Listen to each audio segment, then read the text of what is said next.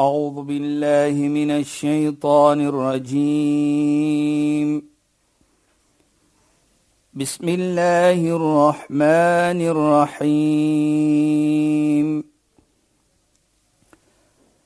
اليوم أكملت لكم دينكم وأتممت عليكم نعمتي. واتممت عليكم نعمتي ورضيت لكم الاسلام دينا صدق الله العظيم alaykum wa rahmatullahi wa barakatuh. Goeienaand. Baie welkom by die program Islam in Fokus. Ek is Shahida Kali en ek praat met Sheikh Dafir Najjar. Assalamu alaykum Sheikh. Wa alaykum salaam wa rahmatullahi wa barakatuh. Sheikh, lekker opgewonde want ons gaan voort om te praat oor die waardes van Madiba. Die hart van Madiba. Daai waardes wat hy hart hou en Ja, ga- Shaida. is is regtig regtig waar fantasties. Ja. Sheikh het verlede week gepraat van vergifnis en die eerbiedigheid van Madiba en die liefde vir kinders. Kom ons gaan voort en veral wat vir my so belangrik is en Sheikh het gepraat oor die belangrikheid daarvan is hoe vergifnis vir ons toelaat om te groei, om beter te wees, om mooier te wees en om net mooier en gesonder vrugte te pluk. amper wil ek sê, maar Sheikh. Ja, bismillahir rahmanir rahim. Alhamdulillah. Wassalatu wassalamu ala rasulih sallallahu alayhi wa sallam wa sahbihi ajma'in wa ba'd. Assalamu alaykum wa rahmatullahi ta'ala wa barakatuh en goeienaand aan ons geëerde en geliefde luisteraars. Mushaida, jy weet ons het gepraat verlede week van Madiba. Mhm. Mm en ons het daardie voorbeeld geneem van die heilige profeet Mohammed sallallahu alayhi na die mense vir hom in Mekka seer gemaak het, geboikot het en alles verkeerd gedoen het aan hom, was hy self in 'n situasie en het mens vergewe. Hy het nie gerevens soos ons sal sê nie. En dit is wat ons sê Madiba is toe hy uitgekom het in daardie tyd van Robben Island. En hy het president geraak, was hy in 'n toestand om mense te sê wat het jy gemaak of daai persoon het dit gemaak. Hy kan soos ons gesê het revenge het geneem het. Maar nee, hy het mens vergewe. En jy weet, soos ons sê as moslim, ons vat maar altyd ons uh, leiding van die Koran en van die gesegde van die heilige profeet en so aan en so aan. En dan herinner hy ook vir my van 'n gesegde van die heilige profeet Mohammed sallallahu alayhi waar hy sê wa ma zada Allahu 'abdan bi'afwin illa 'izzan. Hy sê die oomblik jy vir jouself in 'n situasie sit om mens te vergewe, dan sê hy die heilige profeet la yazidu illa 'azzan. 'Azza ek glo nie daar's 'n Afrikaanse woord of 'n Engelse woord wat dit daardie bedoeling gee nie. Dan sê ons dit gee vir jou daardie status presies soos Madiba het waar jy gerespek word. As jy inkom nou outomaties word jy gesien. Jy is nie nodig om te gehoor word nie maar outomaties is jy gesien. En die mens gee vir jou daardie onder en respek wat vir jou toekom. Want hoekom jy was 'n persoon jy was in 'n posisie wat jy kan revenge gevat het oor mens maar jy het prefer om mense te vergewe. Dit het Madiba gedoen. En deur dit het almal daardie respek vir hom getoon en ook baie belangrik vir my het geduld getoon daardie tyd. En die geduld wat hy getoon het was dat ek gaan geduld toon aan daardie mense wat my seer gemaak het. Deur vir hulle te vergewe nie om vir my 'n beter mens te maak nie maar om my land beter te maak. So dit gaan nie net 'n leier soos ons sê dit gaan nie om sigself nie dit gaan om die mense wat hy moet lei en hy weet Hy sal die president geraak het van die land. En deur dit gaan hy die president raak van almal van ons. Dit maak nie saak wie ons was nie. Of ons nou gewout het vir hom of ons nie gewout het vir hom nie, maar hy is ons president. En deur dit sien ons dan dat hy daardie toepassing gedoen. Dat dit gaan nie om my nou nie. Dit gaan om die mense van Suid-Afrika. Dat hy omgee aan die mense van Suid-Afrika. Dit sê vir my baie. Maar hy sê ook die heilige profeet dat 'n persoon se geloof kan nooit ooit volkoom wees nie. Hy kan nie opreg glo nie, nie voordat hy lyk vir sy medemens wat hy lyk vir homself nie. Nou, Madiba demonstreer dit. Madiba bewys dit vir ons. Dat dit maak nie om hoe jy seer mee mee gemaak het nie, maar to have the ability bo als dit om vir jou te kan vergewe, sê dan vir my dat jy wil als net wat goed is wens vir die mense van Suid-Afrika. Nie vir sy familie nie, nie vir sekere persone nie, maar vir die mense van Suid-Afrika. Jy weet, so sê dit na Abu Bakr radhiyallahu an. Toe hy die leier na die dood van die profeet, nou hy was mos wat ons sê die khalifa, die leier van die moslems na die dood van die heilige profeet Mohammed sallallahu alayhi. Toe sê hy wonderlike woorde. Nou kyk jy so terug, ek dink jy Madiba, dit is hoe dit is. So sê die Sayyidina Abu Bakr, ja ayyuhan nas, o mensdom, kyk, hy het nie gesê moslems nie. Hy het nie gesê o julle mense alleenlik wat glo nie. Of o julle mense wat alleenlik aan die Koran is nie. Of julle mense wat alleenlik is van die volgelinge van die heilige profeet Mohammed nee sê nee hy sê mensdom. Elke persoon. Mag nie saak wie is nie of wat jy was nie maar elke persoon inni hulitu alaykum wa lastu bi ek is gemaak julle leier maar ek is geen beter as wat julle is nie. Wat demonstreer vir my dit. Ek is julle leier gemaak maar ek vat ook kritiek. En hoe weet ons?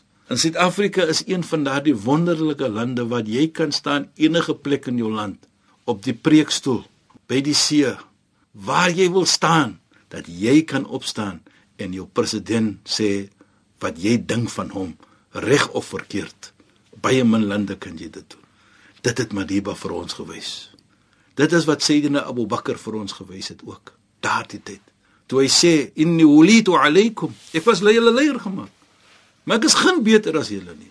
In ra'aytumuni al-haq as julle sien ek is reg, dan staan julle agter my. Is dit wat Madiba vir ons geleer het nie? Kyk net hoe mooi is dit.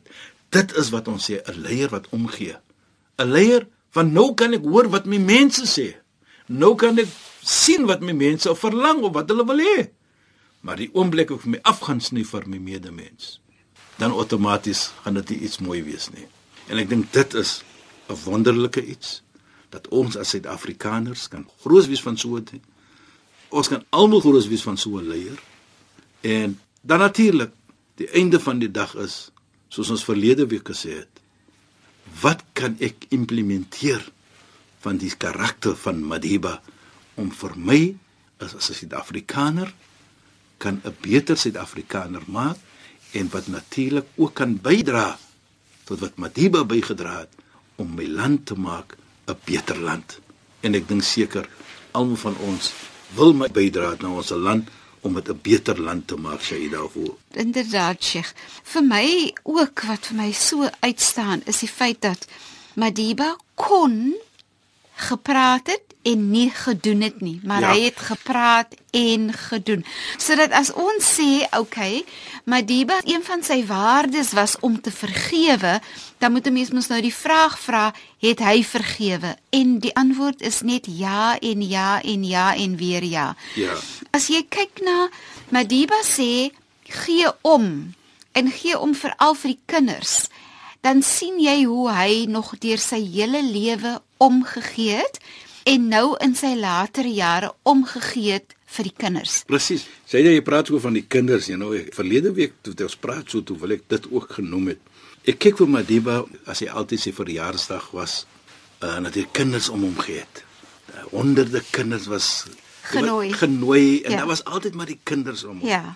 Nou kyk jy die klemtoon van belangrikheid op die kinders dat die kinders se toekoms is belangrik. Hy hy gee vir jou daai hidden story dat die kinders is belangrik. Hulle toekoms in ons land is belangrik. Hulle gaan die volgende leiers raak. Jy weet herinner my dan van hoe die heilige profeet ook Mohammed sallallahu alaihi hy omgegee het vir kinders. Hy het nooit kinders seë gemaak nie. Hy het altyd gegaan na kinders. Jy weet herinner vir my byvoorbeeld van 'n eendag toe speel daar so kindertjies in die paaie van Medina, maar daar staan een kind. So soos ons sê baie sad. Sy staan toe een kant hy let dit op en hy gaan toe na toe en hy vra kom speel jy dan nie saam met hulle nie. Ja. Voordat sy verder praat, sien hy hoekom. Dit was eh, soos ons sê u dag. Hmm. Toe sien sy maar hy het iets lekker mooi aan of 'n speeldingetjie nie. Toe gaan hy daarvandaan en hy gaan koop vir haar en kry vir haar 'n speeldingetjie. Laat sy ook kan speel met haar ietsie. En hy gee dit vir haar. Toe hy dit gee vir haar Shaida. Toe gaan sy na die vriende toe en hy gaan speel ook saam. Kyk jy omgeer hier. Mm -hmm. Dat Ja. hy kan omgegee het vir die kind om te sien sy is nie vrolik nie. Sy is nie happy nie en ek wil haar vrolik maak. Nou wat kan ek doen? En hy gaan net sy way uit soos ons sal sê om haar die speel ietsie te gaan koop vir haar. Want almal speel met iets en sê jy dit. nie. Sonder sy vra, sien hy dit. En hy doen dit en daar bring dit vrolikheid en daardie kind voel so part van daardie ander kinders. En ook 'n baie belangrike punt wil ek noem om te kyk hoe die Islam ook belangrikheid toon op kinders.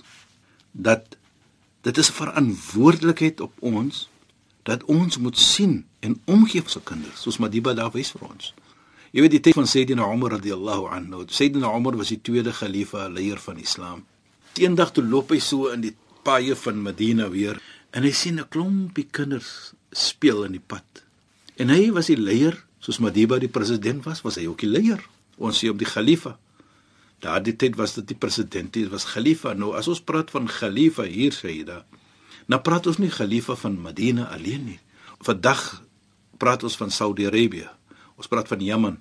Ons praat van Bahrein, Qatar, Kuwait, Sirië, Irak, Iran, Libanon, Jordan, Egipte, Libië. Ons praat van almal daardie lande. Hy was die khalifa van almal daardie lande, die leier. Toe kyk hoe groot is dit. Nou dink maar net hoe groot is dit vandag elke plek het sy eie leier. Maar hy loop die paaie van Medina en hy sien 'n groepie kinders speel so. En hy breek weg van sy groep mense en hy gaan na die kinders toe. En natuurlik die groep loop toe agter hom aan wat saam met hom geloop het. Maar hy kry en hy roep die kinders en hy sê ud'u Allah, maak 'n gebedjie vir my. Soos ons sal sê, maak 'n dua vir my. Hulle skrik. Die leier van soveel mense. Hy kom na kinders en vra vir 'n gebed. Nou visualize soos ons sal sê, picture. Dat Madiba sit op sy stoel. Dit is natuurlik sy uh, birthday. Hoeveel kinders sit om hom? Hy het hulle almal genooi. Soos ek sê, indirectly is dit bid vir my ook. Hier het Sayyidina Umar dit getoon vir ons. 'n Leier en hy gaan na die kinders en sê Udullah. Toe vra hulle vir hom, "Jy is 'n leier. Dit is kinders." Sê hy, "Nee, hierdie kinders is belangrike mense. Want hulle gebed as hulle vra is mustajab, soos al sê, word aangeneem." Nou kyk net hoe Madiba omgee vir kinders.